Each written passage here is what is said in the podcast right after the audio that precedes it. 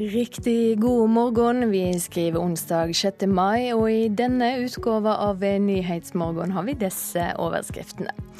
Regjeringa mener nyheter skal være fritekne fra moms, uansett om du leser i avisa eller på skjerm. Flere unge til kontakt med anonyme alkoholikere. Mikael ble alkoholiker før han fylte 20. Hvis jeg gikk på kino, så hadde jeg med meg åtte halvlitere, og jeg drakk de på 40 minutter, og da var filmen uinteressant. Så. Og høye utgifter i barneidretten stopper en del barn fra å delta. Det vil Idrettsforbundet ha en slutt på. I studio i dag Silje Sande. Og vi starter med nyheter, for alle nyheter skal være fritatt moms, også det du finner på internett. Det skriver VG i dag. Ifølge avisa skal kulturminister Toril Vidvei presentere denne nyheten på mediedagene i Bergen senere i dag. Ante nyheter står i den tradisjonelle papirutgåva av avisa eller på nett. Nå vil regjeringa fjerne momsen. Papiraviser har vært fritekne for moms siden 1970. Men når media publiserer nyheter på nett, må de kreve inn 25% moms av brukerbetalinga. Det er dette kravet regjeringa nå ønsker å fjerne, for å gjøre konkurransen med utenlandske medium enklere, og for at brukerne ikke skal måtte betale så mye når avisene tar betalt på nett. Ansvarlig redaktør i VG, Torry Pedersen, sier til sin egen avis at dette er ei svært god nyhet for norsk journalistikk. Reporter Marte Halsør. Den tyske flygeren som styrta Germanwings-flyet i Alpene i mars, skal ha øvd på nedstigning tidligere samme dag. Det skriver Bilt. Den tyske avisa siterer den franske flyhavarikommisjonen, som legger fram en rapport om tragedien senere i dag. Franskmennene har granska ferdskriveren fra ulykkesflyet og oppdaga ei kontrollert nedstigning som ikke kan forklares korkje av været eller flytekniske årsaker. Og dette blir det mer om like etter klokka sju. Flere unge med alkoholproblem tar kontakt med organisasjonen Anonyme alkoholikere. Om lag 15% av medlemmene der er nå under 30 år. Norske ungdommer drikker mindre enn før, men de som drikker, drikker mer. Mikael i Bergen kunne ikke gå på kino uten å ha med seg øl. Første gangen jeg drakk, så merket jeg at uh, jeg på en måte klarte å involvere meg i andre mennesker. Følte at jeg liksom kunne være den personen jeg alltid hadde vært født til å være. Da. Vi treffer Mikael på en kafé i Bergen sentrum. En sunn og sprek mann i begynnelsen av 30-årene. Men slik har det ikke alltid vært. Jeg husker jeg begynte å drikke ganske seint. Jeg var 17 og et halvt. De første årene så var jo det helgene og helligdager. Men når jeg hadde bikket 20 eller 19-20-årene, da var det mer blitt eh, veldig ofte. Når jeg var 18, da drakk jeg f.eks. en eh, par halvlitere hver dag. Men så ble jeg eldre og ja, konsumet ble større. og Noen ganger så måtte jeg til og med drikke i lunsjen på jobben, sant? for jeg hadde så mye angst og abstinenser. Mikael ble alkoholiker før han var 20. 20-årene ble en sammenhengende fyllekule. Men det var hjelp å få. Ca. 15% av de som går i anonyme alkoholikere, er under 30 år. Interessen for anonyme alkoholikere er økende. Arne har lang fartstid i anonyme alkoholikere, og har god oversikt over medlemsmassen rundt om i landet. Og han ser en tydelig trend. Det er flere unge i 20-årene som tar kontakt. Jeg merker det jo på at, eh, at de kommer. Eh, det er det ene. Og de merker det også på at eh, den måten som de deltar på, at det er ikke bare at man kommer fordi man skal ha en behandling, men man kommer fordi man søker et nytt for å si det rett ut, et nytt livsgrunnlag? Tilsynelatende så er det helt vanlige unge voksne. Det sier Odd Martin Wallersnes, forsker og lege ved legevakten i Oslo. Wallersnes holder på med et doktorgradsarbeid om rusmiddelforgiftninger. Han sier norsk ungdom generelt drikker mindre enn før. Men de som drikker, drikker mer. Jeg syns det er bekymringsfullt. Anonyme alkoholikere opplever at flere unge tar kontakt med de fordi de trenger hjelp. Hva tenker du om det, ut ifra din erfaring? Det er ikke overraskende. i og med at vi ser en økning. På bordet står en flaske cola. Han er alkoholiker, men livet hans i dag har et annet innhold. For Mikael i Bergen kom vendepunktet etter om lag ti år som alkoholiker. Jeg kunne ikke gå på kino uten å drikke. Sant? Og Hvis jeg gikk på kino, så hadde jeg med meg åtte halvlitere, og jeg drakk de på 40 minutter, og da var filmen uinteressant. Sant? Jeg tenkte bare jeg orker ikke mer, jeg gir meg. Så jeg googlet opp AA. Så ringte jeg telefonnummeret som sto der. Så ble jeg hentet av en i AA. Og De sa bare 'dette kommer til å gå bra', og jeg satte meg inn i bilen og jeg skalv. Jeg var så redd at eh, ja, jeg har ikke ord. Men det tok litt tid før jeg i det hele tatt skjønte noe. Jeg satt på møtene. Jeg prøvde bare, jeg tenkte jeg må jo bare prøve dette her. For det var det de sa. Gi det en sjanse. For enkelte så blir de edru på sitt første møte, og for andre så må de ha litt mer juling. Men det viktigste er bare å ikke gi opp. Og det er jeg evig takknemlig for at jeg klarte. Reporter her Siri Løken. Og både Mikael og Arne er fiktive navn. De som er intervjua ønsker å være anonyme. Væpna grupper i Den sentralafrikanske republikk har gått med på en avtale om å sette fri alle barnesoldatene. Det sa Verdens barnefond Unicef i går. Avtalen omfatter trolig mellom 6000 og 10 000 barn. Og eh, Morten Bøås, seniorforsker i NUPI, hva er bakgrunnen for eh, denne avtalen?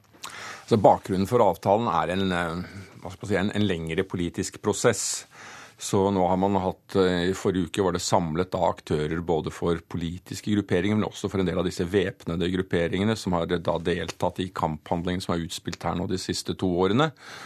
Og eh, i løpet av denne prosessen så ble man da nå enig om at man skulle eh, slutte å rekruttere barnesoldater, og at man skulle løslate de man hadde.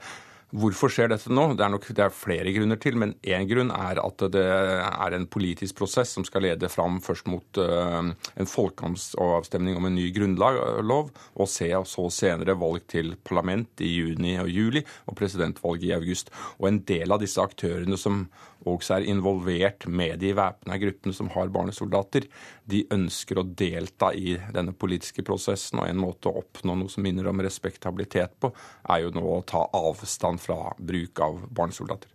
Hva vet vi om disse barnesoldatene? Ja, Vi vet ikke så veldig mye. Vi vet ikke engang hvor mange det er. Altså Dette tallet som brukes mellom 6000 og 10 000 er eh, hva skal man si, en kvalifisert gjetning. Årsaken til det er at disse befinner seg i områder av landet som eh, omverdenen, inkludert FN-styrken som står der i, har eh, liten eller ingen adgang til. Og dermed så vet vi veldig lite om hvordan vi har det, men vi kan jo levende forestille oss at det ikke, dette er ikke, det er ikke bra å være barnesoldat. Det er kanskje aller verst å være barnesoldat i en så fragmentert og oppsplitta krig som den som har funnet sted i Den sentralafrikanske republikk, hvor frontlinjene har vært veldig uklare. Nå gjenstår det å se da, om man får adgang faktisk til disse barnesoldatene. For én ting er å sitte i, i Bangui og si at nå skal man få det, noe annet er om lokale kommandanter faktisk vil gi det. Hvordan havner disse ungene hos de væpna gruppene? Altså, dette har jo vært en krig som etter hvert eh, også utspilte seg veldig mye i og mellom landsbyer. Familier går i oppløsning. Noen blir eh, tatt med makt. Andre blir lurt. Andre slutter seg frivillig til fordi at det finnes ikke noe annen form for beskyttelse. Så det er en ganske sånn bråket årsak til at eh, folk, at unger blir sopt opp i den type bevegelser. For noen går dette her veldig ille. For eh, andre kommer ut av det med, hva skal man si, med mindre arv på sjelen. Men at dette er en tragisk eh, opplevelse for barn, er jo ingen tvil om. Men dette er et land som prøver å, å, få på plass strukturer. Kan du fortelle litt om bakgrunnen for det som skjer nå? Altså Bakgrunnen da må vi jo gå veldig langt tilbake i kolonihistorien, og det har vi nok ikke tid til. Men bare sånn for å si det veldig kort, altså dette var den kolonien som Frankrike hadde i Afrika som de investerte desidert minst i. Og det har vi også sett igjen i eh, Den sentralafrikanske republikk etter uavhengigheten. Dette er et tomt skall av en stat som kollapser eh, nå for et par år siden mer eller mindre totalt. i, i et opprør som ble ledet av en såkalt allianse fra nord som kalte seg Seleka som igjen skaper opptakten til kristne militser som kaller seg for antibalaka. Og dette her blir en fragmentert, oppsplitta krig mellom ulike militsgrupper som løper rundt og plyndrer og dreper. Men dette skjer da i bakteppet, for dette er en stat som reelt sett ikke eksisterer. Dette er en fantomstat, det er et konkursbo. Det er et eh, land hvor et fattig naboland som Republikken Kongo, som ikke er den demokratiske staten Kongo, men Republikken Kongo, faktisk betaler det, det lidelsen som utbetales av lønninger til statsansatte. Men disse barna, du sier det er ikke sikkert de blir sett fri. Hvorfor ikke? Nei, altså Problemet her er jo da at nå har noen, sittet, noen ledere sittet i Bangui og blitt enige om noe, men altså dette er man snakker om Antibalaka som de kristne gruppene og Seleka som de muslimske, men dette er ganske fragmenterte oppsplitta organisasjoner hvor det er svært tvilsomt at de som har si, blitt enige om dette i Bangui, faktisk eh, har spesielt mye kommando og kontroll over lokale kommandanter. Og dette er, Brorparten av disse, befinner, av disse barnesoldatene vil antagelig befinne seg i områder også som FN ikke har spesielt mye adgang til. Så Derfor så er det fortsatt utfordringer, men alt annet likt så er det bra at eh, man har blitt enige om dette her. Takk skal du ha for at du kom i studio, Morten Bøe, seniorforsker i NUPI. Nå skal vi se på framsidene på dagens aviser. Flere av dem har fokus på landbruksoppgjøret. Dagsavisen skriver om de billige norske bøndene. Landbruket sin del av statsbudsjettet er mer enn halvert siden årtusenskiftet, fra 2,5 til 1% Nasjonen skriver at bøndene har spart inn 300 millioner. Listhaug lar de beholde 90. Ingen vil arbeide gratis, sier Knut Åge Gjersdal til Stavanger Aftenblad. Han mener tilbudet fra regjeringa rimer dårlig med målet om å øke matproduksjonen. Dagens Næringsliv sitt rentepanel frår et rentekutt nå. Ekspertene frykter at et rentekutt fra Norges Bank denne veka vil fyre opp boligmarkedet. Frivillige har berga livet til tusener i Syria. Aftenposten forteller om den frivillige organisasjonen De hvite hjelmene. Vanlige folk som risikerer livet for å redde det som blir råka av regimet sine tønnebomber. KrF ble snytt for søndagssiger. Vårt Land skriver at KrF var nær ved å dra i land en siger om søndagsstengte butikker, men Frp sa nei i siste runde. Og Knut Arild Hareide blir pressa av sine egne, ifølge Dagbladet. Grasrota i KrF er kraftig provosert av Frp, og flere fylkesledere mener de nærmer seg smertegrensa for hva partiet kan tåle. For mange vil bli økonomer, skriver Klassekampen. Rekordmange nordmenn tar høyere utdanning, og i 2030 kommer det til å være 50 000 for mange med bachelorgrad, ifølge avisa. Nordlys forteller om en kommune der hver husstand kan få en sjokkregning på 3000 kroner ekstra i vassavgift. Og VG bruker si framside på OECD-rapporten om lykke. Norge er et av landene i verden der folk er mest lykkelige. Avisa har også henta inn råd til et bedre liv fra ni kjente nordmenn. Nå skal det handle om eh, barneidrett her i Nyhetsmorgen. For eh, høye utgifter i barneidrett stopper en del barn fra å delta, og det vil Idrettsforbundet ha en slutt på. I et idrettspolitisk dokument som skal vedtakes på idrettstinget i juni, foreslår forbundet konkrete tiltak for å få ned kostnadene i barne- og ungdomsidretten. Idrettspresident Børre Rognlien liker ikke utviklinga. Vi ønsker jo selvfølgelig at norsk idrett skal være inkluderende. Eh, vi ønsker at alle som ønsker skal være med, og da må ikke økonomi være noe som eh, hindrer noen i å, å delta. Norges idrettsforbund ønsker at klubber og forbund skal begrense omfattende reisevirksomhet og kostbare samlinger, og at det bør legges opp til mer gjenbruk av utstyr. Idrettspresidenten ser at enkelte idretter og klubber legger treningsleire til utlandet med høye egenandeler, noe som raskt kan føre til at medlemmer blir ekskludert. Vi ønsker en større grad av eh, gjenbruk av utstyr. At klubbene etablerer eh, byttesentraler osv. Vi ønsker kort sagt at eh, kostnadene skal være lavere, og kanskje aller viktigst er at kommunene sørger for at eh, det å trene i kommunale anlegg er gratis for barn og unge. Oslo idrettskrets er et av områdene i landet med de største økonomiske forskjellene blant sine medlemmer. Generalsekretær i kretsen Magne Brekke ønsker initiativet velkommen. Det at man faktisk erkjenner at det er en utfordring der ute, og at man eh, ønsker å, å gjøre det tydelig at dette er eh, bekymringsfullt, det er viktig nok. Brekke sier utgiftene varierer stort ut fra hvilken idrett man driver. Ri hest, drive med motorsport eller eh, Kjøre alpint er utstyrskrevende, og det vil nok alltid være. Eh, mens andre idretter, som klassiske ballidretter og løping og ski, bør ikke være urimelig dyrt. Generalsekretæren mener temaet om kostnader for barn og unge innenfor idretten også er tabubelagt. Det er også en type problem som mange vil være varsomme med å klage på. For Det er ikke så lett å gå ut og si at de har ikke råd til å være med. Eh, det kan ofte virke litt stigmatiserende, og man, man lar heller være. Eh, så det er en utfordring. Reporter Hilde Liengen. Du hører på Nyhetsmorgen i NRK P2 og Alltid nyheter. Klokka er 6.46. Regjeringa mener nyheter skal være fritekne fra moms, uansett om de leser dem i aviser eller på skjerm. Olje- og energiminister Tord Lien vil regulere flere vassdrag for økt kraftproduksjon. Over 300 000 nordmenn bruker den ulovlige strømmetjenesten Popcorn Time. En mann på kring 60 år er fremdeles savna etter en scootertur i Kåfjord i Troms. Mannen var på tur med tre andre da de kom bort fra hverandre. Det er dårlig sikt i området og ikke mulig å fly inn helikopter, men fire scooterpatruljer fra Røde Kors leter etter mannen på fjellet. Medan Arbeiderpartiet har vedtatt at Norge bør ta imot 10 000 syriske flyktninger i løpet av neste år, er det ikke slik at alle Arbeiderpartistyrte kommuner er så flinke til å ta imot flyktninger. De siste åra har Skien bare tatt imot halvparten av det kommunene ber om. Ordføreren støtter likevel forslaget om å ta imot flere, men på gata i Skien er meningene delte. Det er jo en uh, god ting, uh, men samtidig så er det som Jeg har lest at det er en kapasitetsproblemer å ta imot, så vi må ha en løsning på det før vi kanskje tar det imot. Henry Sjekk har mange med seg.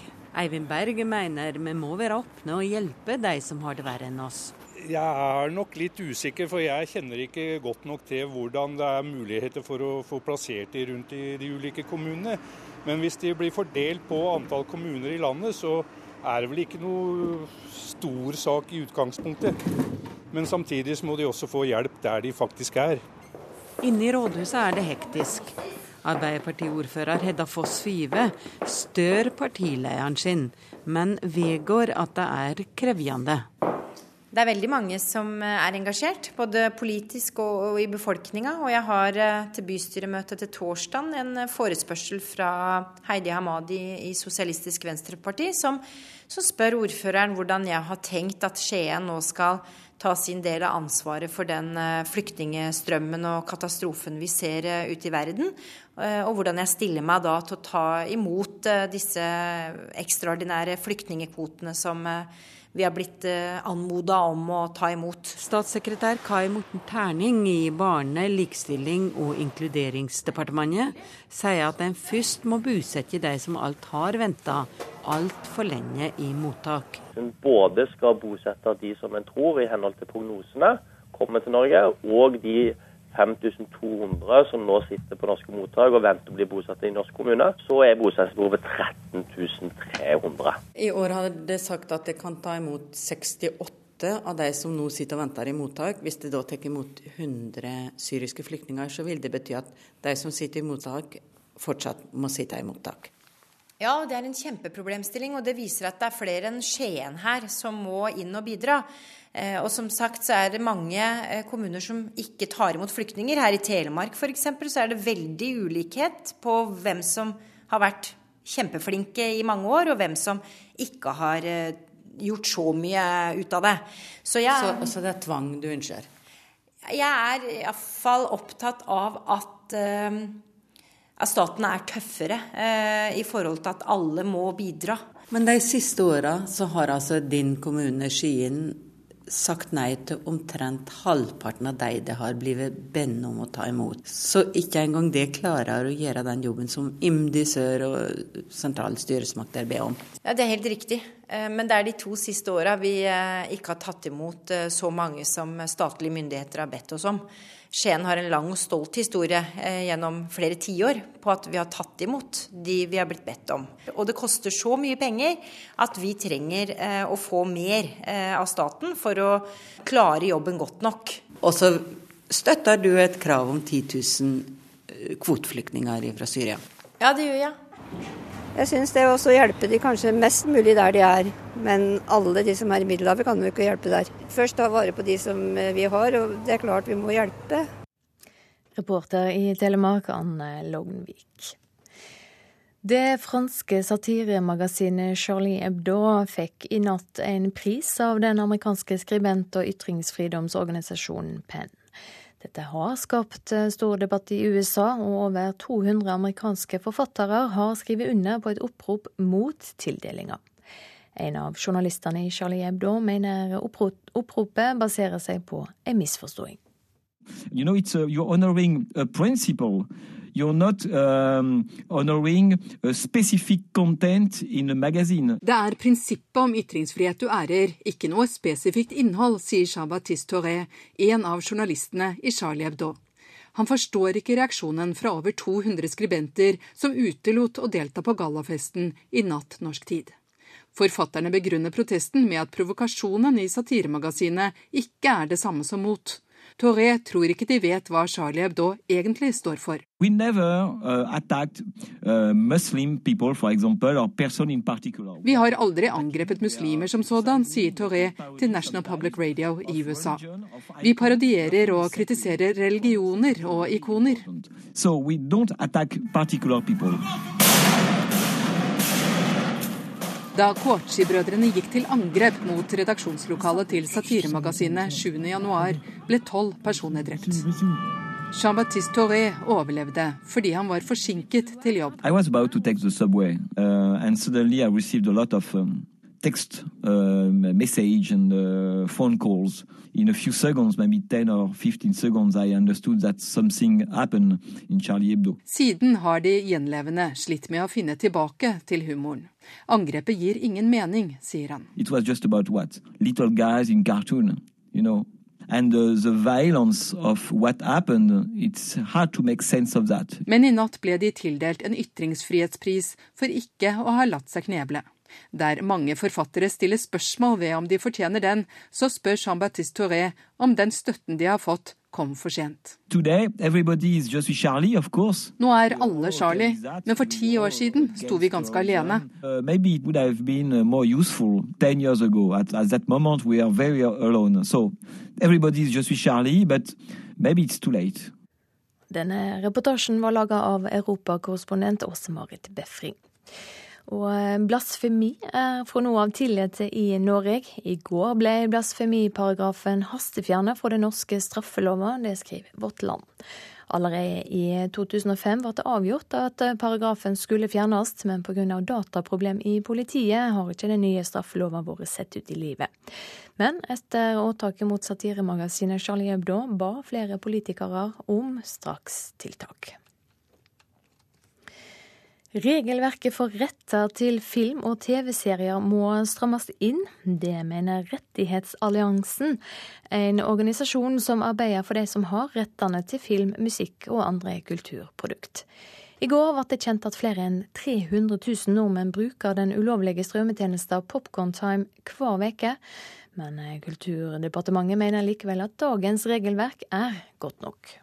Det er en streaming-nettside som du kan laste deg. Men hva er det som er fordelen med det kontra andre ting? Det går raskt og fort. Studentene utenfor Høgskolen i Oslo og Akershus er ikke alene om å være brukere av strømmetjenesten Popcorn Time. Over 300 000 nordmenn bruker tjenesten ukentlig. Det viser nye tall fra TNS Gallup.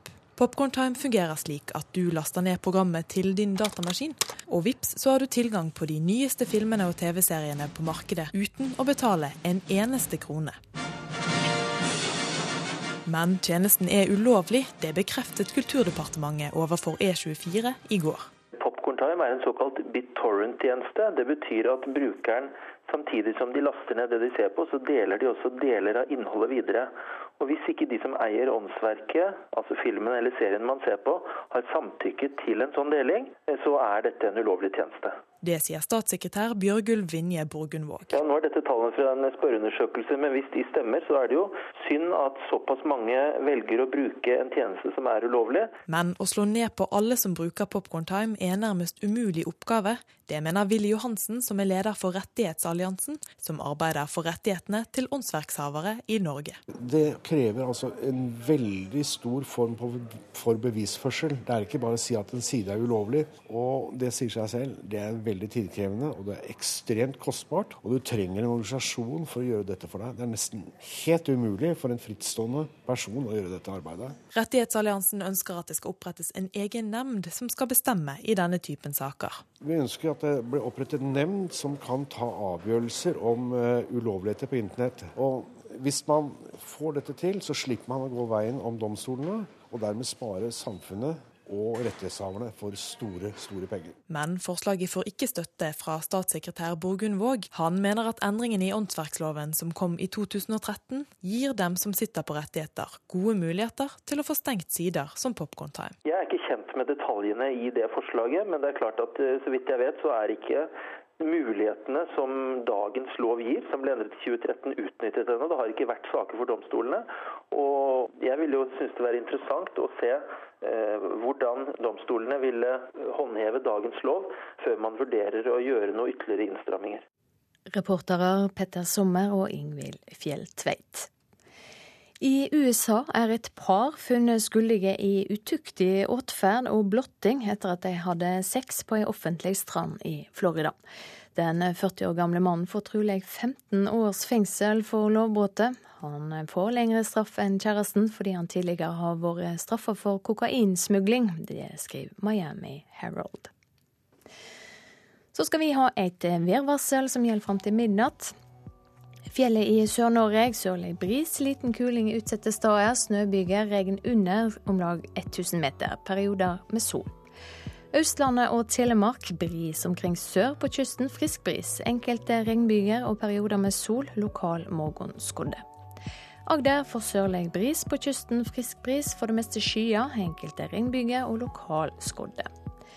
Vestlandet sør for Stad sørlig periodevis stiv kuling på kysten og i fjellet, minkende fra i ettermiddag. Enkelte regnbyger, perioder med sol.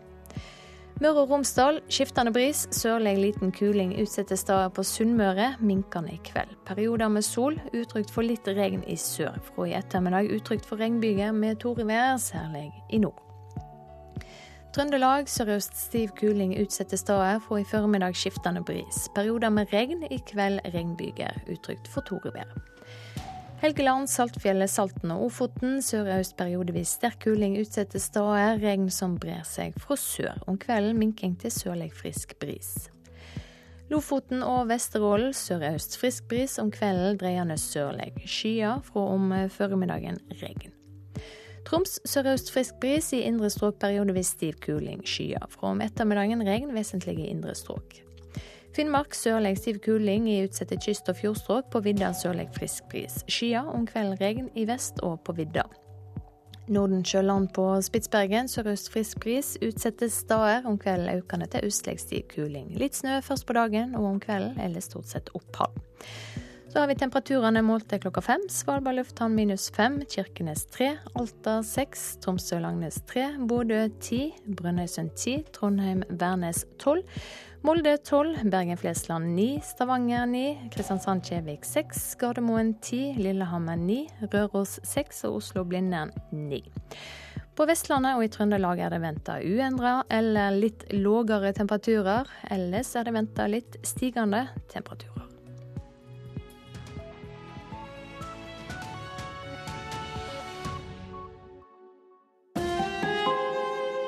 Hør ekko. De mister jobben, de blir skilt, vennene forlater dem. Fordi de står frem som ateister. Hvor? I USA. Det er ille nok der, men i mange andre land er det verre. De som ikke tror på en gud, og våger å si det høyt, kan straffes med døden. Hvorfor det? Hva er det som er så provoserende med ateister? Ekko 9 11 i NRK P2. Norske bedrifter er mer pessimistiske for framtida enn før. Statsminister Cameron krangler med de skotske nasjonalistene én dag før valget i Storbritannia.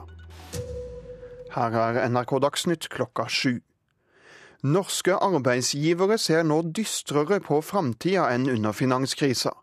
Det viser Navs store årlige bedriftsundersøkelse. Seniorrådgiver Johannes Sørbø i Nav sier mange bedrifter nå er veldig skeptiske til å ansette flere.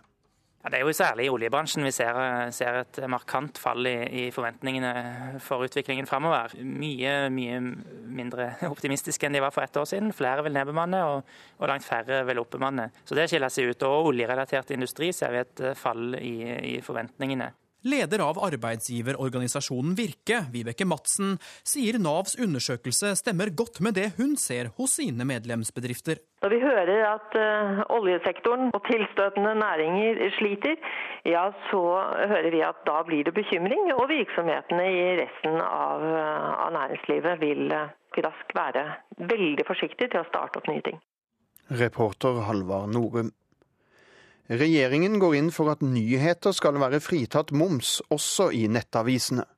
Kulturminister Toril Vidvei sier til VG at regjeringen går til EØS-avtalens overvåkingsorgan ESA med et forslag om nullmoms på all brukerbetaling av nyheter og aktualitetsstoff, uavhengig av hvor de publiseres. Papiraviser har vært fritatt for moms siden 1970, men når mediene publiserer nyheter på nett, må de i dag kreve inn 25% moms av brukerbetalingen. Det er siste innspurt før valget i Storbritannia, og partilederne har dagen i dag på å overbevise de siste usikre velgerne. I morgen tidlig åpner valglokalene, og det er ventet svært høy deltakelse. David Cameron fortsetter å hamre inn budskapet om at de skotske nasjonalistene kommer til å holde en mindretallsregjering fra Labour som gisler fordi de blir avhengig av stemmene deres. Mens nasjonalistenes leder, Nicholas Sturgeon, lover å felle David Cameron hvis han ikke klarer å stable et flertall på bena. I'm not going to start talking about politicians and Friday. I'm going to talk about the British people and what they do on Thursday. Mens Labours leder Ed Miliband ikke vil snakke om hva slags resultat som kan foreligge på fredag. Reporter Espen Aas. KrF-leder Knut Arild Hareide kan ikke holde landsmøtetalen på fredag. Konas fødsel er fortsatt ikke i gang, og dermed mister han landsmøtetalen sin. Nestleder Dagrun Eriksen stepper inn og blir den som må holde talen til Kristelig Folkepartis landsmøte i Trondheim. NRK Dagsnytt, Ulf Tannes Fjell. Og her i Nyhetsmorgen skal vi straks høre at lyskastere, overvåkingskamera og schæferhunder skal hindre nye voldtekter på russetreff kommende helg. Det blir mer om hvordan norske arbeidsgivere ser på framtida. Og i Storbritannia er det nå siste innspurt før valget. Partilederne har dagen i dag på av de siste usikre velgerne.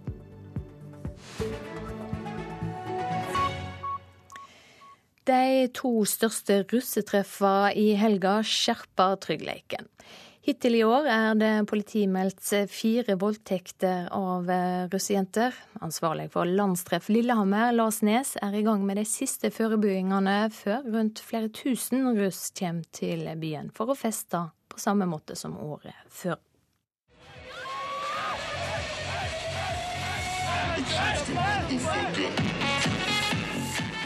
Scenen skal opp rett bortpå der. Den kommer i morgen.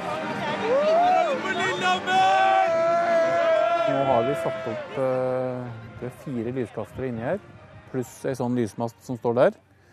Uh, så nå bør det bli uh, greit med lys inne i skogen om natta.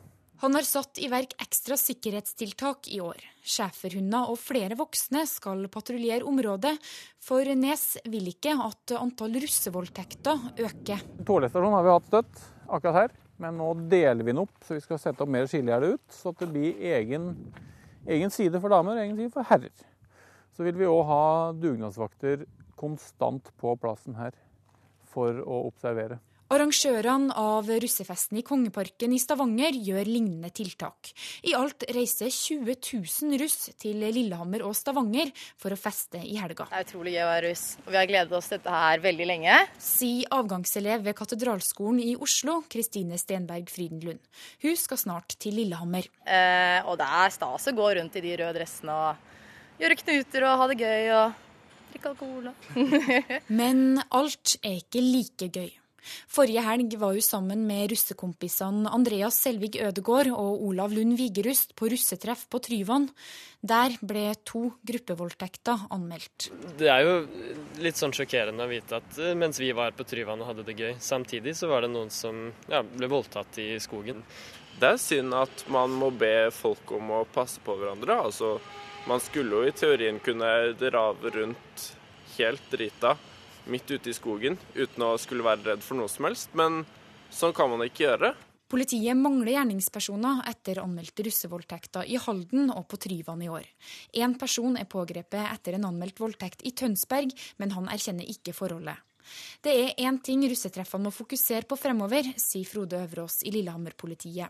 Arrangør kan ha så mye kameraovervåkning, han kan ha så mye lysrigg som man bare vil, og gjerde rundt. Men det som er viktig, er at vi har eh, veldig mye voksne edru folk til stede her. Og som har øye og øre for, eh, for, det som skjer her. Det skal jo ikke forekomme. forekomme. Si festarrangør Nes. Men å gardere seg 100% mot sånne ting, det er vanskelig. Denne reportasjen var laga av Kjartan Rørslet, Bård Holmen Solvik, Arne Sørenes og Marit Gjelland. Velkommen, Tove Fredrik Berg. Du er mor til en av de som er russ nå. og For noen dager siden skrev du en kommentar i VG med tittel 'La meg få ei fin russetid'. Der uttrykte du uro for russetida og skildrer det du kaller en ukultur. Hva er det du tenker på da? Ja, eh, da tenker jeg på at russetida i utgangspunktet skal være en positiv tid. Og det Nå hørte vi jo det innslaget her om, om voldtekter og, og, den delen. Det er veldig alvorlig. Eh, redsel for å ikke kunne gå alene uten å For jentene da. Og det samme gjelder faktisk for gutta, men der er det slåssing. Og vold. Altså grov vold i mange tilfeller. Så det som, det som, er bekymringen, er jo at de ikke forstår eh, hvor, hvor, galt det de gjør, og hvor, hvor, store konsekvenser det kan få, både for de, de sjøl og for den som blir utsatt for volden i disse slåsskampene. Så vi, vi, de er jo langt over i den straffbare eh, sfæren, mange av disse, med det som skjer. Og det, det er jeg ikke helt sikker på om de, de sjøl har eh, helt klart for seg. Nei, for du er jo eh, også strafferettsadvokat i tillegg til å mm. være russmamma, og, og, og, skriver i kommentaren din at det er en hårfin balanse mellom moro mm. og tragedie. Mm. Ja, og for noen dager siden så var, hadde vi et eksempel på hvor en russegutt ble, ble, slått bevisstløs. Og da skulle man jo tro at da var, da var den kampen over, men, men, de fortsatte å sparke og slå løs på denne, på denne gutten, som da ble hardt skada. Og da da er det jo klart at er det en hårfin balanse. Hvordan er det å sende ut uh, guttungen når du vet det, det kan være slik? Ja, altså Jeg visste jo ikke at det var sånn før han kom hjem eh, etter at russefeiringa hadde starta. Og det kom frem at han faktisk hadde banka, også vært med på dette. Altså banka selv, og etter noen dager så ble han eh, hardt skada. Eh, og da er det jo ikke like morsomt lenger å, å, å se de ta på seg russebuksa og russedressen og, og ta med seg ølposen og går. Men um, det har blitt bedre siden jeg skrev kronikken. Altså, dette er jo gutter, da, så jeg har jo, har jo ofte hatt disse gutta hjemme hos oss på vorspiel. Så i går hadde vi nesten 15-20 stykker på vorspiel.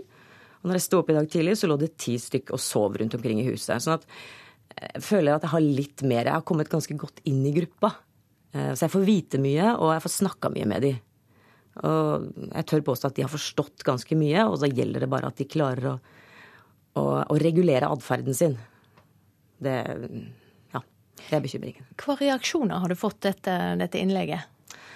Mange blitt, Jeg ser at det har blitt delt veldig mange ganger på, på sosiale medier. Og eh, jeg har fått bare positive tilbakemeldinger i den forstand at eh, det er bra at det blir tatt opp. Og, og eh, spesielt dette med at ja, russen sjøl må gjøre noe med det, men mor og far, vi må snakke om det.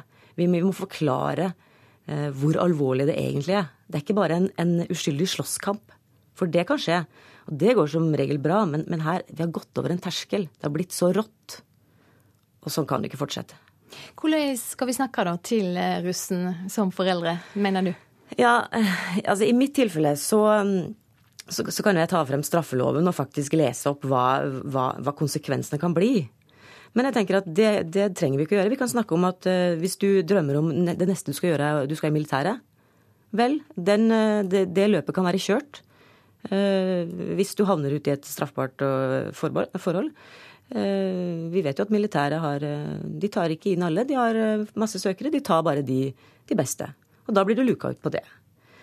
Så det, det kan stenge vei for framtidsplaner. Det kan stenge vei kanskje for å komme inn i USA. Hva vet jeg. Altså konsekvenser, Sånne konsekvenser som svir. Som de forstår. Takk skal du ha for at du kom i studio, Tove Fredrik Berg. Takk. Norske arbeidsgivere ser dystrere på framtida enn eh, under finanskrisa. Det syner Nav sin store årlige bedriftsundersøking. Seniorrådgiver Johannes Sørbø i Nav sier mange bedrifter er svært pessimistiske. Nei, Nå er det eh, de laveste forventningene siden 2003 eh, som vi ser i, vår undersøkelse. her, Så det er faktisk enda litt svakere nå enn det var under finanskrisen. Hvert år spør Nav en rekke bedrifter og andre arbeidsgivere om hvordan de ser på det kommende året. I år fikk de inn over 12 500 svar, og det ser ut til at 2015 blir et år i forsiktighetens tegn for mange. Bare 20% av bedriftene sier de har planer om å ansette flere, det laveste som er målt de siste 14 årene. Det er jo særlig i oljebransjen vi ser et markant fall i, forventningene for utviklingen framover. Eh, mye, mye mindre optimistiske enn de var for ett år siden. Flere vil vil nedbemanne, og, og, langt færre vil oppbemanne. Så det skiller seg ut. Og oljerelatert industri ser vi et eh, fall i, i forventningene. Fortsatt er det slik at flest bedrifter sier de er nøytrale, altså at de verken har planer om å oppbemanne eller å nedbemanne. Men ser vi på den såkalte nettoindikatoren, en slags temperaturmåler som tar hensyn til både de som vil ansette flere og de som vil ansette færre, er også den på et historisk lavt nivå. I toppåret 2007 for eksempel var den på 29. Da finanskrisen herjet to år senere, var den falt til 10. I år er den på 8. Dette er et bilde som eh, stemmer med, med de signalene vi får fra våre bedrifter nå. Sier Vibeke Madsen, som leder arbeidsgiverorganisasjonen Virke. Hun mener mange bedrifter nå frykter ringvirkningene i norsk økonomi etter høstens dramatiske fall i oljeprisen. Når vi hører at uh, oljesektoren uh, og tilstøtende næringer sliter, ja, så hører vi at da blir det bekymring. Og, uh, og virksomhetene i resten av, av næringslivet vil raskt være veldig forsiktig til å starte opp nye ting. Men selv om pessimismen har fått tak mange steder, er det fortsatt mange ledige stillinger å finne. Særlig trekker Johannes Sørbø i Nav fram én bransje der det er gode muligheter helsesektoren. Der trengs det mye arbeidskraft, og det er veldig få ledige. Eh, og Der ser vi jo at det øker både antallet stillinger som er utlyst, og, og mangelen på arbeidskraft eh, er også høyere der enn, enn, den, var i fjor. Og, og, og, det er den næringen som har høy, størst mangel på arbeidskraft, og særlig sykepleiere, da, naturligvis. Reporter Halvard Norum. Flygeren på det tyske Germanwings-flyet som eh, med vilje styrta flyet i Alpene, skal ha øvd på å styrte et fly med vilje samme dag, ifølge den tyske avisa Bilt. Alle de 150 som var om bord, mista livet i tragedien i Alpene i mars. Og utenriksmedarbeider Joar Hoel Larsen, hva kan du si om det som nå kommer fram? Ja, som du sier, Det er Bilt som skriver dette i dag, og da med utgangspunkt i at den franske Flyhavarikommisjonen skal legge frem en rapport senere i dag. Altså, dette flyet styrtet jo i den franske delen av Alpene, så det er, det er franskmennene som da gransker eh, detaljene her.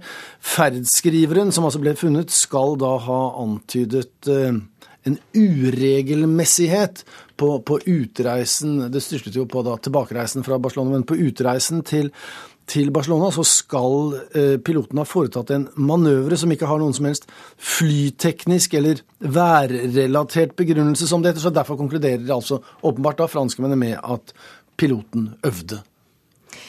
Eh, hva gikk den manøveren ut på? Ja, eh, han eh, som vi nå vet i ettertid, han var jo da både deprimert og egentlig sykemeldt. Men han skal ha redusert flyhøyden, kontrollert og åpenbart eh, uten dramatikk, så det var, det var ingenting som skjedde.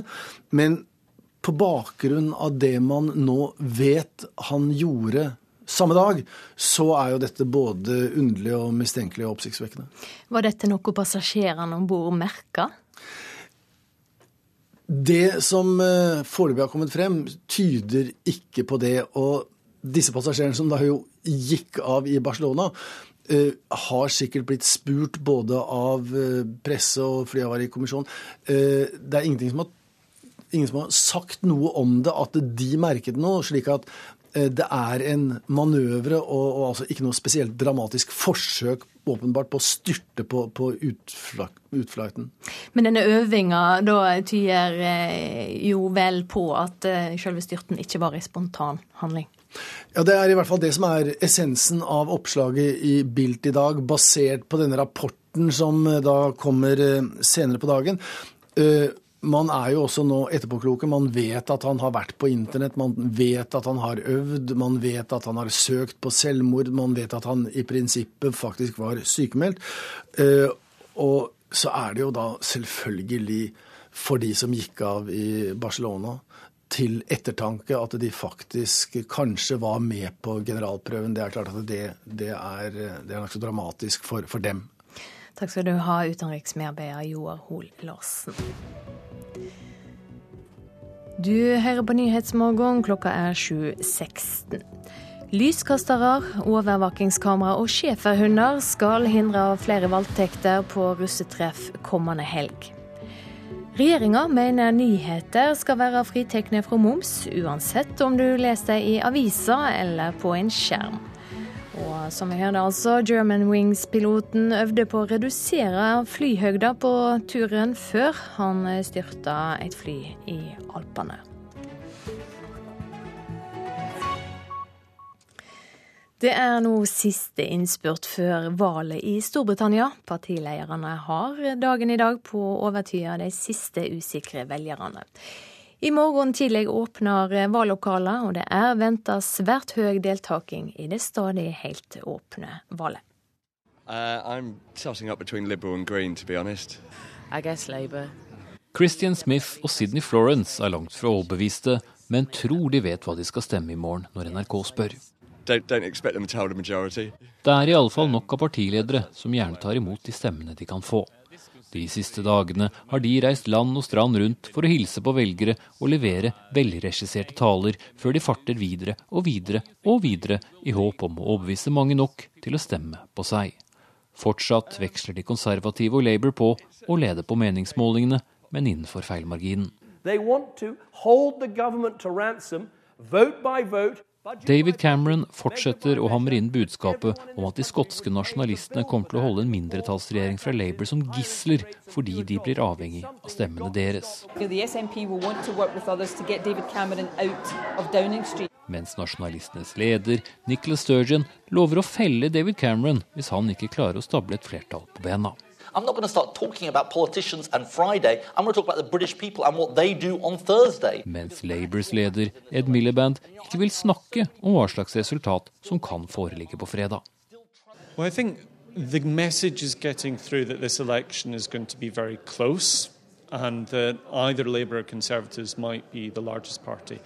Når resultatet er så åpent som nå, vil det mobilisere mange velgere, sier dr. Chris Hanretti ved University of East Anglia til NRK.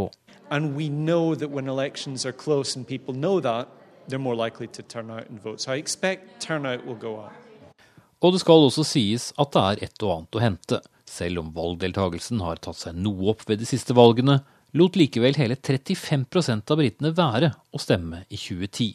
Det tilsvarer om lag 16 millioner stemmer, så det er ikke helt uten grunn at en gjeng partiledere kommer til å reise land og strand rundt så lenge de kan. Espen Aas, London. Så skal vi til Nepal. Mange er heimløse, andre er skadde og leter fremdeles etter sine kjære i ruinene. Historiene er mange etter jordskjelvet i Nepal. I studio nå, Jan Egil Mosan, nødhjelpskoordinator for Caritas. Du kom tilbake til Norge i går. Hva har gjort sterkest inntrykk på deg? Det er jo først og fremst alle de enorme ødeleggelsene. Altså, man ser hus, man ser landsbyer, man ser eh, områder eh, med skole som har rast sammen, veier som har rast sammen. Og det synsinntrykket som man ser og observerer, er veldig sterkt. Og det blir ganske uvirkelig når man reiser inn i et sånn type område. Men, men det som også er veldig slående, det er jo den frykten som folk har.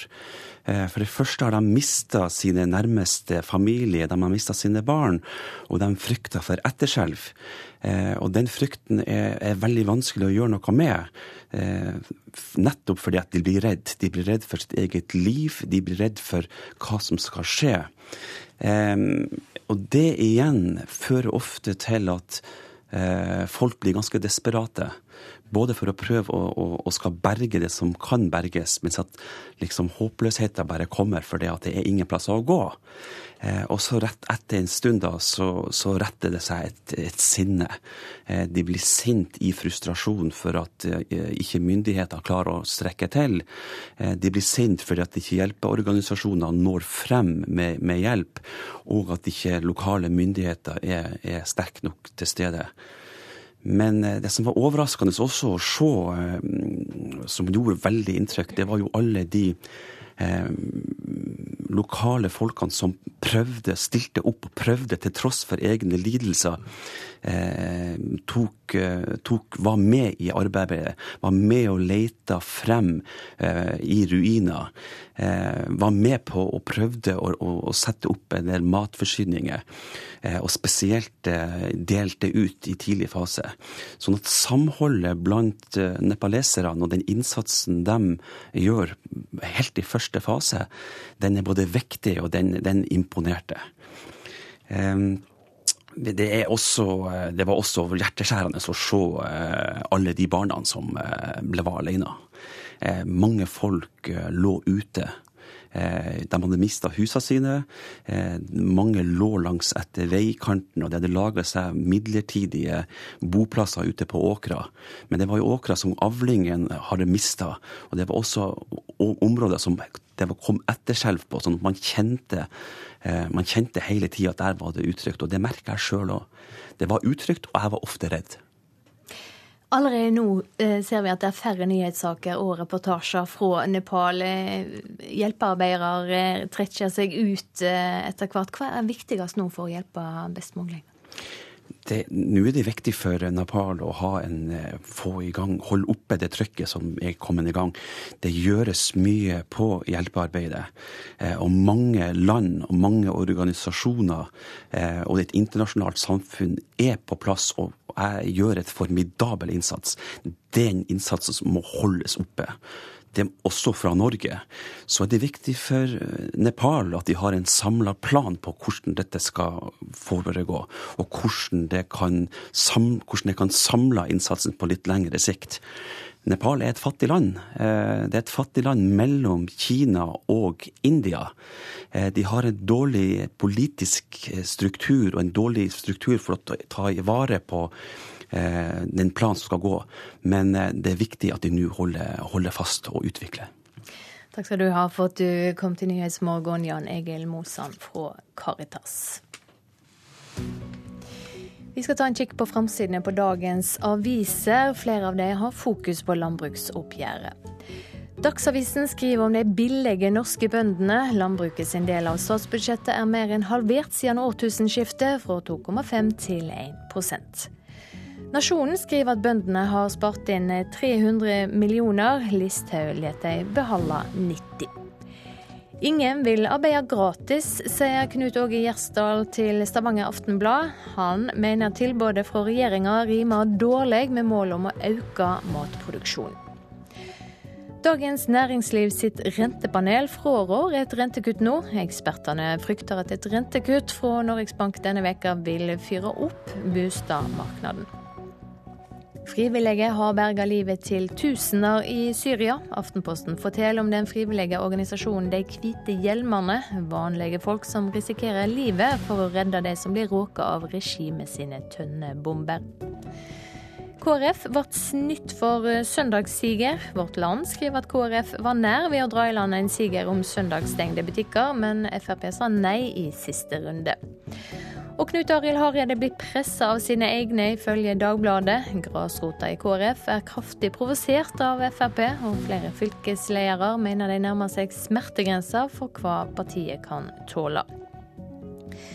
For mange vil bli økonomer, skriver Klassekampen. Rekordmange nordmenn tar høyere utdanning, og i 2030 kommer det til å være 50 000 for mange med bachelorgrad, ifølge avisa.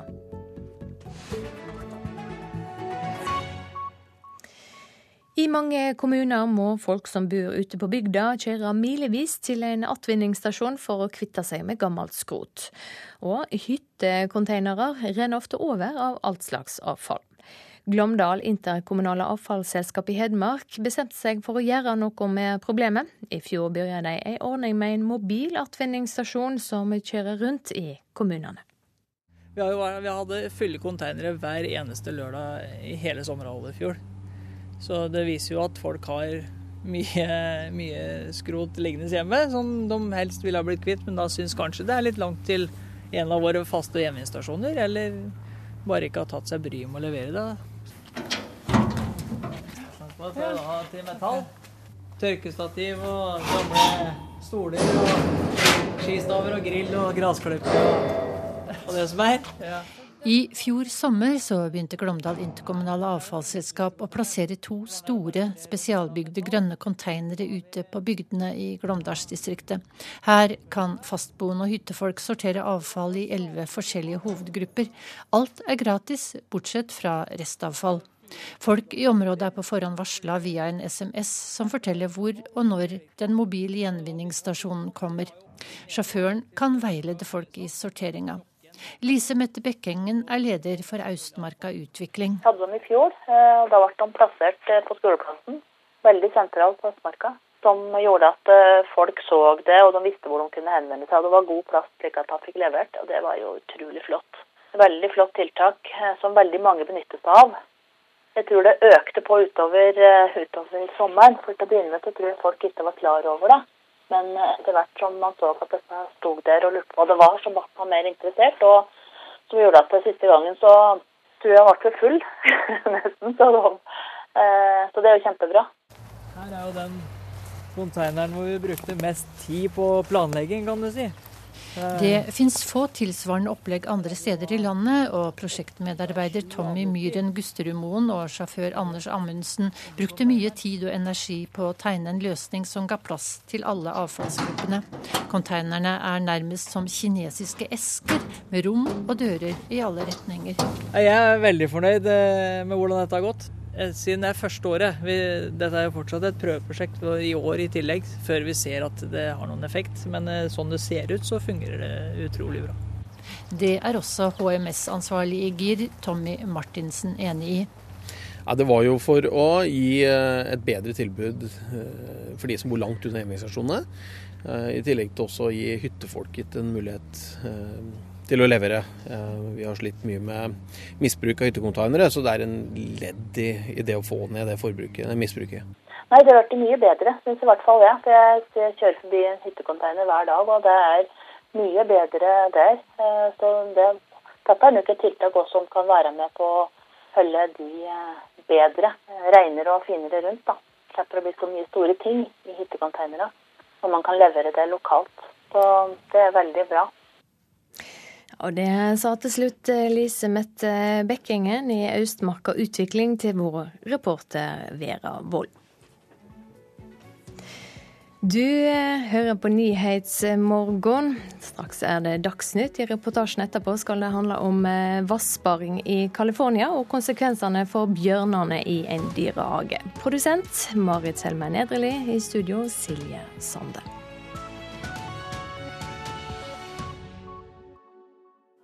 Spillerom i dag.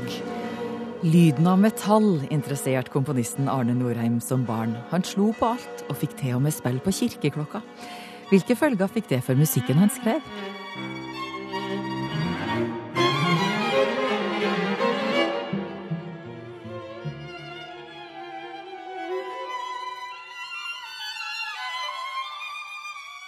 Spillerom i dag klokken 11 på NRK P2.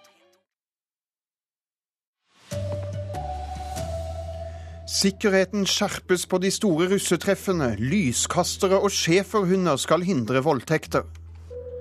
Nettavisene sidestilles med papiravisene. Regjeringen vil ha nullmoms på nyheter. Og unge som drikker, drikker mer enn før. Flere tar kontakt med anonyme alkoholikere. Her er NRK Dagsnytt klokka 7.30.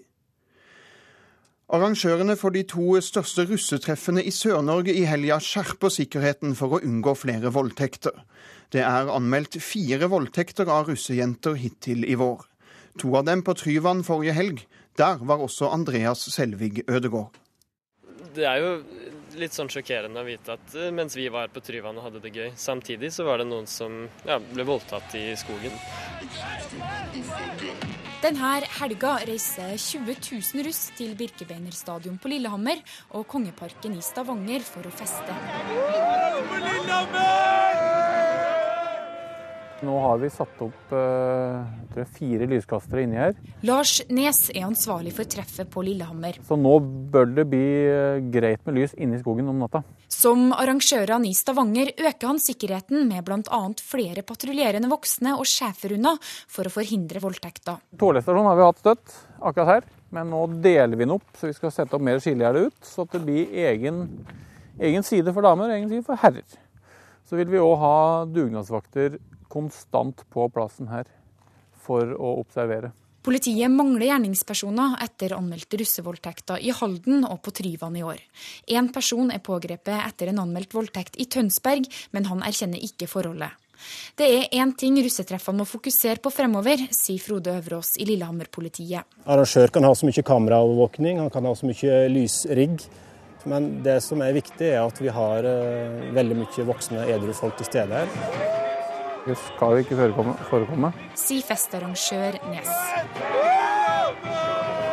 Men å gardere seg 100 mot sånne ting, det er vanskelig. Reportere her Marit Gjelland, Kjartan Rørslett, Bård Holmen Solvik og Arne Sørenes. Og Tove Fredrikke Berg, du er strafferettsadvokat og mor til en av dem som er russ nå. Og du har skrevet en kommentar i VG om ukultur i russetiden. Hva slags ukultur er dette? Eh, det som jeg fokuserte på i min kronikk, det var slåssekulturen mellom eh, gutta spesielt, men også jenter har jeg skjønt slåss. Eh, og disse russebussene som mer eller mindre møtes for å slåss med hverandre. Ja, Hva har din sønn fortalt deg om hva han har vært med på? Han har fortalt at, at han har vært med på å Eller banka Eller slått en annen. Og han har også eh, blitt eh, mishandla slik at han måtte på sykehus. Hva, ja, hva sier du som mor da? Ja, hva, hva sier du da? Altså, da? da? må jeg telle litt til tid, og så må jeg både være mor, og så, og så slår jo da eh, advokaten og, og den uh, kunnskapen jeg har om, om, hvordan dette kan gå, sånn rent uh, strafferettslig og, og ja, hvilke skader man kan få osv. Så, videre. så Så det blir en sånn Jeg må prøve å ta det ned til det som virkelig Det språket de forstår. Og da tenker jeg at eh, da må vi snakke om det som de kan gå glipp av som følge av det de gjør i russetida. Og hva er det? F.eks. at eh, de ikke kommer inn i militæret fordi de har fått noe på rulleblad. Takk skal du ha for at du kom i studio, Tove Fredrikke Berg. Takk. Da skal vi videre til at norske arbeidsgivere nå ser dystrere på framtida enn under finanskrisen. Det viser Navs store årlige bedriftsundersøkelse. Seniorrådgiver Johannes Sørbø i Nav sier mange bedrifter nå er veldig skeptiske til å ansette flere.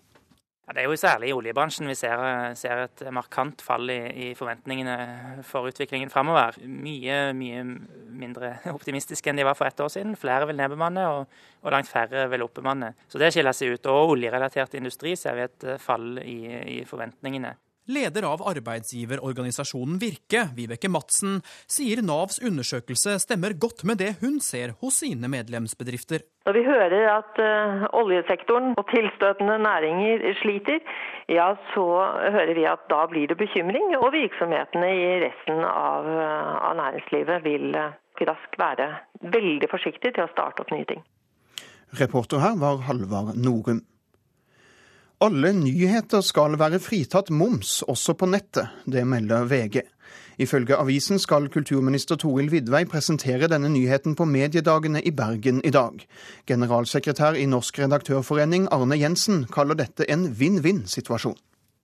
Brukerne vil eh, tjene på det, fordi at man i siste ledd vil slippe å betale en avgift for å få, for å få kjøpt eh, journalistiske produkter. Eh, og det vil gjøre det lettere for mediehusene og redaksjonene å få finansiert journalistikken eh, og få laget betalingsmodeller som kan fungere. Papiraviser har vært fritatt for moms siden 1970. Men når media publiserer nyheter på nett, må de kreve inn 25% moms av brukerbetalinga. Det er dette kravet regjeringa nå ønsker å fjerne, for å gjøre konkurransen med utenlandske medium enklere, og for at brukerne ikke skal måtte betale så mye når avisene tar betalt på nett. Ansvarlig redaktør i VG, Torry Pedersen, sier dette er ei svært god nyhet. Jeg tenkte at det var et uh, veldig bra forslag som viser at man er i ferd med å ta inn over seg den dramatiske utviklingen som man står overfor i medielandskapet i Norge. Reporter Marte Halsør. USA tilbyr opptil 150 millioner kroner i belønning for informasjon som kan bidra i jakten på fire toppledere i terrorgruppen IS. Blant de fire er en IS-topp som har fungert for Al Qaidas tidligere leder i Irak, og en som har vært sjef for selvmordsbomberne. KrF-leder Knut Arild Hareide håpet i det siste at han skulle bli far på ny i natt. Men konas fødsel er fortsatt ikke i gang, og dermed mister han landsmøtetalen sin på fredag. Hvis du hadde spurt meg om en uke siden, så hadde jeg sagt ja, det håper jeg. Og jeg hadde òg trodd at eh, det var jeg som skulle holde den. Men et KrF-barn er oss fortsatt ikke født.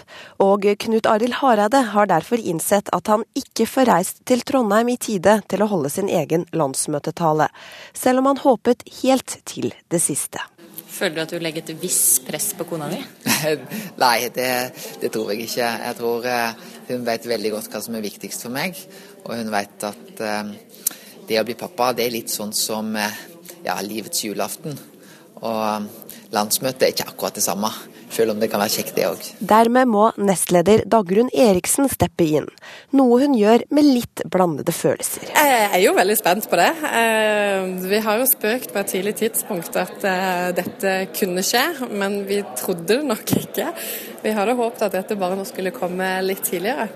Familieplanlegging er kanskje ikke det de kan jobbe mest med? Nei, det er ikke vår sterkeste side, men vi er veldig godt fornøyd med resultatet. Reportere her Anne Mone Nordahl og Astrid Randen. Flere unge med alkoholproblemer tar kontakt med anonyme alkoholikere. Mikael i Bergen kunne ikke gå på kino uten å ha med seg øl. Jeg skjønte vel allerede når jeg var 19 år at jeg på en måte hadde et usunt forhold til alkohol. Mikael fra Bergen drakk hver dag gjennom hele 20-årene. Selv på kino hadde han med øl. Altså, Jeg kunne ikke gå og bowle med noen uten å drikke. Og Hvis jeg gikk på kino, så hadde jeg med meg åtte halvlitere, og jeg drakk de på 40 minutter, og da var filmen uinteressant. Mot slutten av 20-årene innså Mikael at han trengte hjelp. Anonyme alkoholikere ble redningen. Og det er et økende antall unge i 20-årene som tar kontakt med organisasjonen. Ca. 15% av de som går i Anonyme alkoholikere, er under 30 år interessen for anonyme alkoholikere er økende. Arne har lang fartstid i Anonyme alkoholikere, og har god oversikt over medlemsmassen rundt om i hele landet. Og trenden er tydelig. Jeg merker det jo på at, ja, først og fremst at de kommer. Det er det ene. Og de merker det også på at det er måten som de deltar på. Man kommer fordi man søker et nytt livsgrunnlag. Norsk ungdom drikker generelt mindre enn før. Men de som drikker, drikker mer. Det sier forsker og lege ved legevakten i Oslo, Odd Martin Wallersnes. Jeg syns det er bekymringsfullt. Vi ser flere med akutt alkoholforgiftning. For Mikael kom vendepunktet etter over ti år med ekstrem alkoholbruk. Jeg har, har, det bra i dag. Jeg har omtrent ikke angst. Jeg eh, har en bra helse, bra fysikk. Men det er takket være AA. Og reporter her, det var Siri Løken. Ansvarlig for denne Dagsnytt-sendingen var Bjørn Christian Jacobsen, teknisk ansvarlig Frode Thorshaug, og i studio Ulf Tannes Fjell.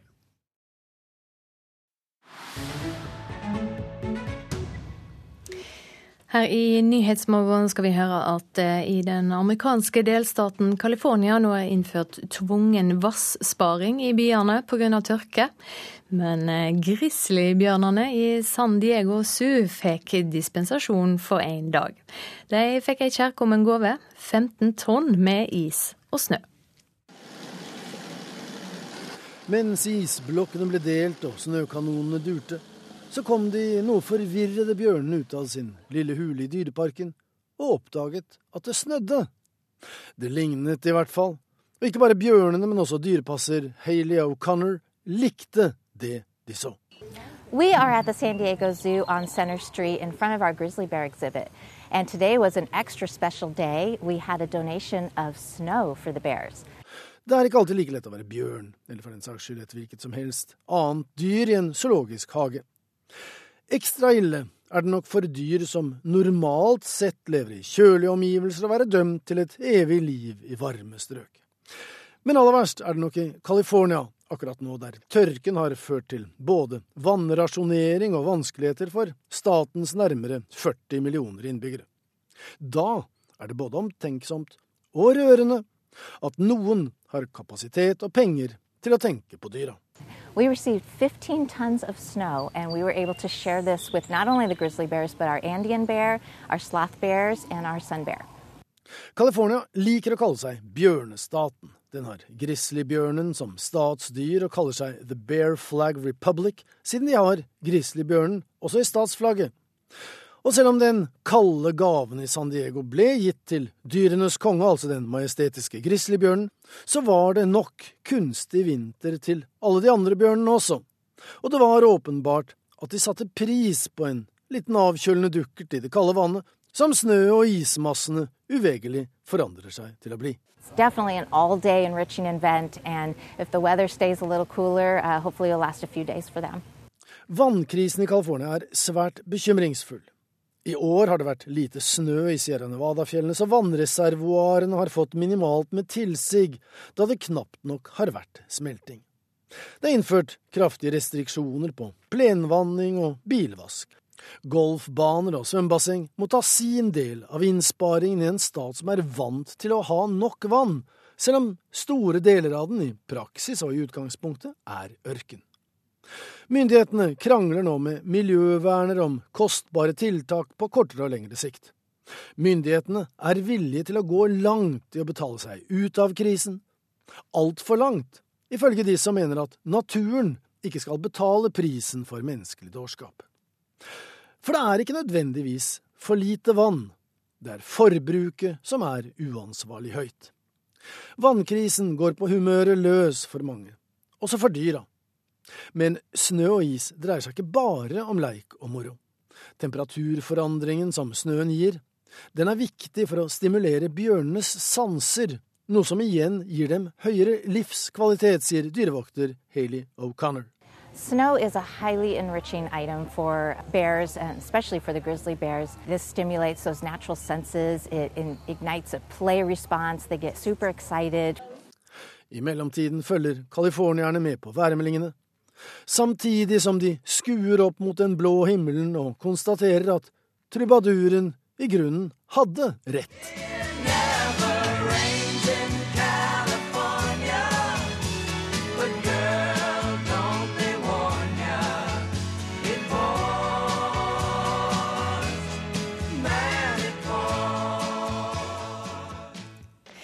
Ja, den eh, reportasjen var laga av Joar Hoel Larsen. Klokka er straks 7.45. Du hører på Nyhetsmorgen. Tryggleken blir skjerpa på de store russetreffene. Flere lyskastere og vakter med hund skal hindre voldtekter. Nettaviser og papiraviser skal ha like vilkår. Regjeringa mener nyheter skal være fritatt for moms, uansett hvor du finner dem. Den svake oljeprisen skaper pessimisme for framtida i norske bedrifter. Flere unge tar kontakt med anonyme alkoholikere. Forskerne er uroa over at flere unge drikker seg sanseløse. Straks Politisk kvarter, programleder i dag Håvard Grønli.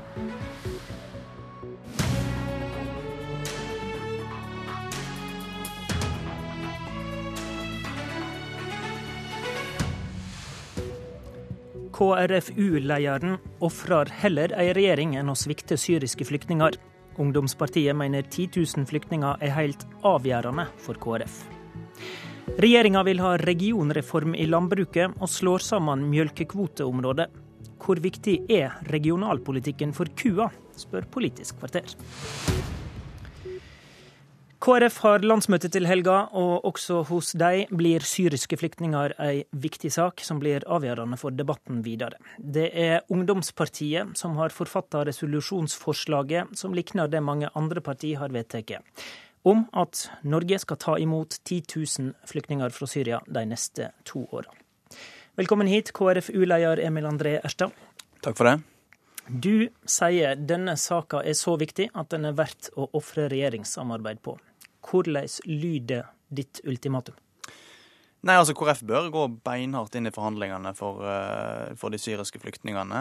Både med å øke bistanden i nærområdene til å tredoble den, og ta imot 10 000 kvoteflyktninger. Uh, og så er det sånn at Da håper jeg at regjering og Frp etter hvert åpner øynene for at dette er den medmenneskeligheten og solidariteten Norge bør vise, og at vi slipper å tvinge de til å, gå med på et sånt Eh, vedtak. Men i verste fall vil du at Stortinget instruerer regjeringa om å ta imot 10 000? Ja, i, i, i siste instans så er det det alternativet en bør uh, vurdere å gå for. Ja. Forslaget du har skrevet sier da eh, 10 000 flyktninger eh, i år og neste år. Er det da det tallet som er viktig, eller syns du det er greit at KrF kan berge regjeringa hvis en får til å ta imot iallfall flere flyktninger enn i dag? Jeg forstår ønsket om et bredt forlik i Stortinget, men eh, de 10 000 kvoteflyktningene bør være et eh, beinhardt krav for KrF i forhandlingene, og det bør de kjempe hardt for å få gjennom, sammen med de andre partiene. Så 10 000 eller regjeringskrise? Altså, Jeg skal ikke være absolutt på 10 000 uh, hvis, det, hvis en klarer å få til en løsning der alle partiene er enige om, som er ganske nærmt det. Men det bør ikke gå langt under 10 000 hvis en uh, får, et, får, til et bredt forlik i Stortinget. Hvor går den grensa, da? Ja, Det kan jeg ikke si her på Politisk kvarter, men, uh, men, det bør være veldig nærmt 10 000 kvoteflyktninger. Så bør det være opp mot tredobling av bistand til nærområdene. De tingene der må henge sammen, fordi vi må bidra for våre medmennesker på flukt. Når vi ser hvordan f.eks. Italia nå har stilt opp og redda over 150 000 mennesker fra drukningsdøden i Middelhavet, eller hvordan Libanon har tatt imot 1,3 millioner flyktninger, så skulle det bare mangle at vi òg gjorde en innsats for å gjøre det. Og jeg, jeg, mener det er en av de viktigste sakene i denne stortingsperioden, og det bør òg eh, vise igjen når KrF nå forhandler med regjeringen. Men hva ser du for deg som et levelig alternativt eh, regjeringsalternativ, da, hvis det skulle gå så langt som til krise? Altså, jeg håper jo inderlig at eh, både Høyre og Frp tar inn over seg at dette er en av de viktigste sakene i denne stortingsperioden. At det er å vise solidaritet med flyktningene fra Syria og, og bidra til mer hjelp i nærområdene. Er... Skal, skal KrF sette inn Ap? Nei, altså Det er et sekundærspørsmål, mener jeg. Det viktigste nå er å få, uh, å få flyktningene, de 10 000 kvoteflyktningene til Norge, og at vi bidrar med mer hjelp i nærområdene. For det er en av de verste humanitære katastrofene vi, vi har sett, og da er det viktig at vi, vi nå eh, går inn og bidrar. KrF har blitt regna som en sikker støttespiller for de som ønsker et stortingsflertall for 10 000 flyktninger. Hvor sikker er du på at du får med deg landsmøtet på det? Det er jeg nesten helt sikker på. Uh, vi har sterk støtte i landsmøtet, og vi ser også vi har sterk støtte blant KrFs velgere. Eh, men dette skulle vi gjort eh, uansett, fordi det er det riktige å gjøre. Men vi ser også at du kommer til å få motstand fra KrF-ordførere som sitter med bosettingsutfordringer. Jeg tror Det er et sekundærspørsmål hvordan vi skal bosette disse flyktningene. Når Italia nå stiller opp, så hadde ikke de en plan for hvordan de skulle bosette flyktninger eh, som kom til Italia. De stilte opp fordi de så at medmennesker var på flukt, og det hadde en, en, en plikt og en, Eh, og det er en verdi for de å redde disse flyktningene. Men, men, men andre partier har jo kobla 10 000-vedtaket til en føresetnad om at kommunene får til bosetting, eller at integreringstilskuddet går opp. I KrF sier vi at vi diskuterer eh, 10 000 kvoteflyktninger, hvordan vi skal hjelpe flyktningene først, og så diskuterer vi hvordan vi skal bosette. og Begge deler er et tema på landsmøtet i to resolusjoner. Det må jo henge sammen? Ja, selvfølgelig vil det jo henge sammen, men, eh, men eh, det viktigste er jo å vedta hvor mange en skal hjelpe, hvordan en skal hjelpe, og så skal en løse det på etterpå. Fordi det er ingen tvil om Norge har mulighet til å løse den utfordringen. Det har vi gjort før, og det kan vi gjøre igjen. Det er tøffe, tøffe krav fra deg, det her, men det er vel kanskje ikke så vanskelig å komme med for en ungdomspartileder som heller ikke skal ha attvalg? Nei, altså det, det, er jo eh, den viktigste saken for KrFU i, i, i, denne perioden og dette året. Den viktigste saken inn mot statsbudsjettet og på landsmøtet. Eh, det er fordi det er den verste flyktningkatastrofen siden andre verdenskrig. Og da mener jeg at det er helt eh, avgjørende at KrF får gjennomslag for den politikken i forhandlinger med de andre partiene. Takk til deg, leder i KrFU, Emil André Erstad.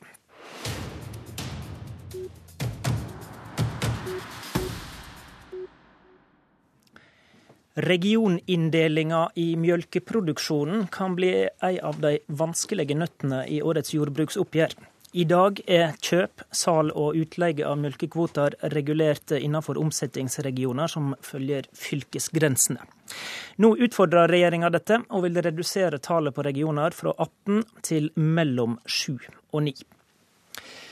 Landbrukspolitisk talsperson i Arbeiderpartiet, Knut Storberget. Hvorfor bør en bevare systemet med at fylker er slike mjølkekvoteregioner? Først og fremst fordi at folk i Norge ønsker norskprodusert mat. Og at vi skal, eh, hvis vi skal kunne klare å produsere mer mat i Norge, noe vi må gjøre for vi blir flere mennesker, og det er større risiko knytta til om verden klarer å produsere nok mat, så er vi nødt for å sørge for at vi har en landbrukspolitikk som bidrar til at det produseres over hele landet og på norske ressurser. Eh, og da er vi nødt for å tenke lurt. Og det har politikere før oss gjort, fra alle partier. Og det bør også vi gjøre. Eh, og den mjølkekvoteregionordningen, det er jo rimelig teknisk tidlig på morgenen, men, men, men Vi klarer det. Ja.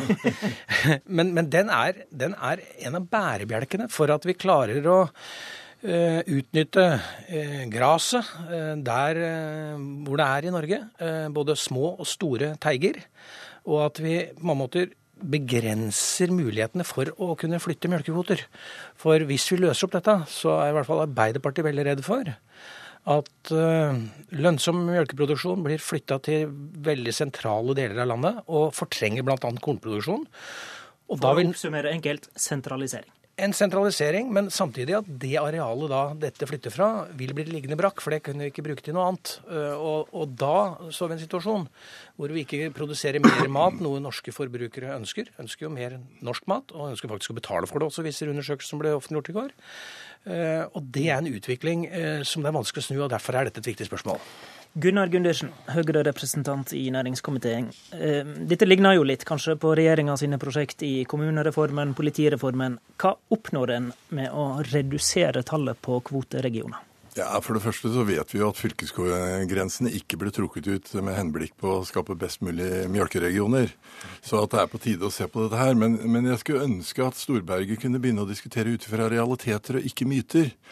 For, hva er, hva er mytene hans, da? Ja, Du sier sentralisering. Vi har ikke funnet ett eksempel på at mjølkeproduksjon flytter fra fjellbygdene og ned på, på kornbygdene. Det er det motsatte som skjer. Og, og mm, hvis vi tar sånn som Hedmark f.eks., så er jo Nord-Østerdal det området der man eh, virkelig satser på mjølk. Og det er der man har et miljø for å produsere mjølk. Og det er der man har etterspørsel etter mjølkekvoter. Det betyr bare at det distriktstilskuddet man har For det er jo ikke sånn at du får likt betalt for mjølka enten du produserer på flatbygdene eller i fjell, fjellregionen. Det virker mye sterkere, samtidig som det at du har et miljø rundt deg, også fungerer veldig sterkt. Så vi har ikke funnet ett eksempel på at man flytter melkeproduksjon fra distriktene og ned sentralt. Men, men, men, hva er den positive effekten av færre regioner? Den positive effekten er bl.a. sånn som i Nord- og Sør-Trøndelag. Der er altså prisen på melkekvoter dobbelt så høy i Nord-Trøndelag som i Sør-Trøndelag. Mm. Og det betyr at en, en ung bonde som skal etablere seg i Nord-Trøndelag, han vil stå overfor en barriere som er nesten uoverstigelig. Mens det, det gjelder kanskje ikke Sør-Trøndelag. Det, det, er et typisk tegn på når du har for små regioner, så blir det store prisforskjeller, store forskjeller i betingelsene for å etablere seg. Og jeg kan ikke se at det er dårlig distriktspolitikk at man får lov til å etablere seg i Nord-Trøndelag kanskje i stedet for i Sør-Trøndelag. Så kanskje Storberget er det en måte å ta hele landet i bruk enda bedre på dette, da? Nei, det vil det ikke være. Eh, og når Gunnar Gundersen nå sier det at man ikke har funnet ett eksempel på at eh, god produksjon er blitt flytta fra noen arealer og over og f.eks. For fortrengt annen type god produksjon, ja, så er jo det et veldig godt argument for at da bør vi jo ikke endre det systemet vi har. Og at man nettopp har funnet en, et balansepunkt. Slik at når man nå endrer dette, så er det jo nettopp det som er risikoen. At uh, god produksjon vil uh, flyttes, og mye areal i Norge vil ligge brak. Og så vil jeg bare si en ting til. Fordi at eh, Fra Arbeiderpartiets side så er vi, vi er jo åpne for å diskutere justeringer i disse kvoteordningene. F.eks. Nord- og Sør-Trøndelag som ble nevnt, og kan være en del andre områder også. Men dette er såpass viktig spørsmål at her er vi da enige med et flertall i Stortinget som veldig klart har gitt uttrykk for, før staten la fram sitt tilbud nå, at dette bør diskuteres i en bredere sammenheng enn forhandlingene. Og det bør diskuteres også i, i tilknytning til den stortingsmeldingen som kommer om landbruket. Og Det, det, det syns jeg er rart at regjeringen ikke lytter på. Nei, men altså Storberget vet jo utmerket godt sjøl at her er det, det er problemer med de grensene som er. Han stilte spørsmål i spørretimen i februar i fjor og, og mente at da skulle man etablere en dispensasjonsordning. Det samme står i, i Arbeiderpartiets landbrukspolitiske dokument. Fordi det, det betyr bare at, Men problemet er at Storberget vil at det er politikerne som skal sitte og avgjøre. Jeg mener nå, Dette er en, noe vi har behov for å gå gjennom. Når det gjelder flertall på Stortinget, så er det et flertall på Stortinget som støttet gjennom i proposisjonen i fjor så sto det veldig klart at man skulle ta opp med mjølkeregionene. Det ble nedsatt en arbeidsgruppe som har sett på mjølkeregionene. Den har konkludert, og men, nå kommer man tilbake. Men du vet, men du vet også, men du vet også Gundersen, at dette er KrF og Venstre skeptiske til. Er det politisk vilje til å gjennomføre dette gjennom jordbruksforhandlingene da? Ja, jeg tror det er politisk vilje til å se på det, og så får vi se hva man blir enige om. Men, men det er ingen tvil om at Stortinget sluttet seg til uh, gjennom at man den, den protesterte ikke på det som sto i proposisjonen proposisjonen. Og departementet har gjort akkurat det som står, og man kom tilbake i året, årets oppgjør med en konklusjon. Storberget, du mener dette ikke bør skje i jordbruksoppgjøret. Hvorfor ikke? Jeg mener at dette er såpass viktige spørsmål. Altså jeg, Åpenbart, det er helt riktig det. Jeg har stilt spørsmål om disse melkekvoteregionene. Mener at eh, en eh, smal dispensasjonsadgang skal være mulig. Det som foreslås å komme fra statens tilbud nå, det er at man skal halvere antall regioner, som vil gi en massiv risiko for at vi flytter god matproduksjon fra områder av landet til å fortrenge trenger eh, annen type god matproduksjon. At, og total matproduksjon i Norge vil gå ned. Men det som jeg syns er litt men, men hva er logikken i det? Hvorfor skal melkeproduksjon i et område forsvinne fordi om regionen som sådan er større? Rett og slett fordi at uh, man vil lettere få kjøpt ut kvoter. Muligheten for å tjene mer penger på den produksjonen på sentrale Hedmarken. De, store kjører, store, kjøper opp de små? Store vil kjøpe opp de små. Uh, og de store vil ikke ha, no, og de store vil ikke ha noen interesse av å drive de små teigene rundt omkring. Men det som jeg syns er det politiske i dette, og som jeg syns er rart at regjeringen nå i sitt tilbud i går ikke eh, reflekterer og speiler, og ikke Gunnar Gundersen tar inn over seg, det er faktisk at vi hadde altså en situasjon i fjor hvor eh, jordbruksoppgjøret havna i Stortinget. Det bør vi prøve å unngå i år. Vi bør, vi bør prøve å få, eh, få forhandlingene i havn. Da bør man skjule hen til når man er en mindretallsregjering, og se det at Venstre, Kristelig Folkeparti, Arbeiderpartiet, SV og Senterpartiet og Miljøpartiet De Grønne har altså klart uttrykt dette bør behandles i stortingsmeldingen. Fjoråret var det, var det første året på mange mange år at ikke dyrket areal gikk ned i landet. Altså, det, det, Til stadighet så skjer det stikk motsatte av hva Storberget prediker. Det er det jeg mener med at nå må han slutte å snakke ut fra myter. Han må begynne å forholde seg til realitetene. Og det er en, det er, det er, Nå dokumenteres det jo at det er mange av de grepene som Sylvi Listhaug tok i fjorårets oppgjør, var riktige. Det har skapt optimisme, det har skapt investeringsvilje, og det har også skapt gode inntekter for bonden. Det, og det er det som er målet vårt men, til syvende og sist. Når vi snakker om mytedannelse, så, så, bør man kanskje ta med seg at når det gjelder de resultatene man nå ser i landbruket, det er først og fremst et resultat av at vi har lavt rentenivå, fått reduserte utgifter, og at man også uh, i det siste rød-grønne landbruksoppgjøret fikk et veldig godt oppgjør, som ligger altså halvparten inn i denne perioden man nå har vurdert. Uh, og så stusser jeg fortsatt over at når man ser at produksjonen er bra, Eh, at man klarer å øke produksjon og lønnsomhet, så vil man også gå inn i det og endre dette systemet. Og det eh, eh, vil ikke Arbeiderpartiet anbefale. Nå skal det altså bli forhandla mellom partene først. Så får vi se da etter hvert om jordbruksoppgjøret kommer til Stortinget, som i fjor. Takk til Gunnar Gundersen fra Høyre og Knut Storberget fra Arbeiderpartiet. I studio i dag var Håvard Grønli.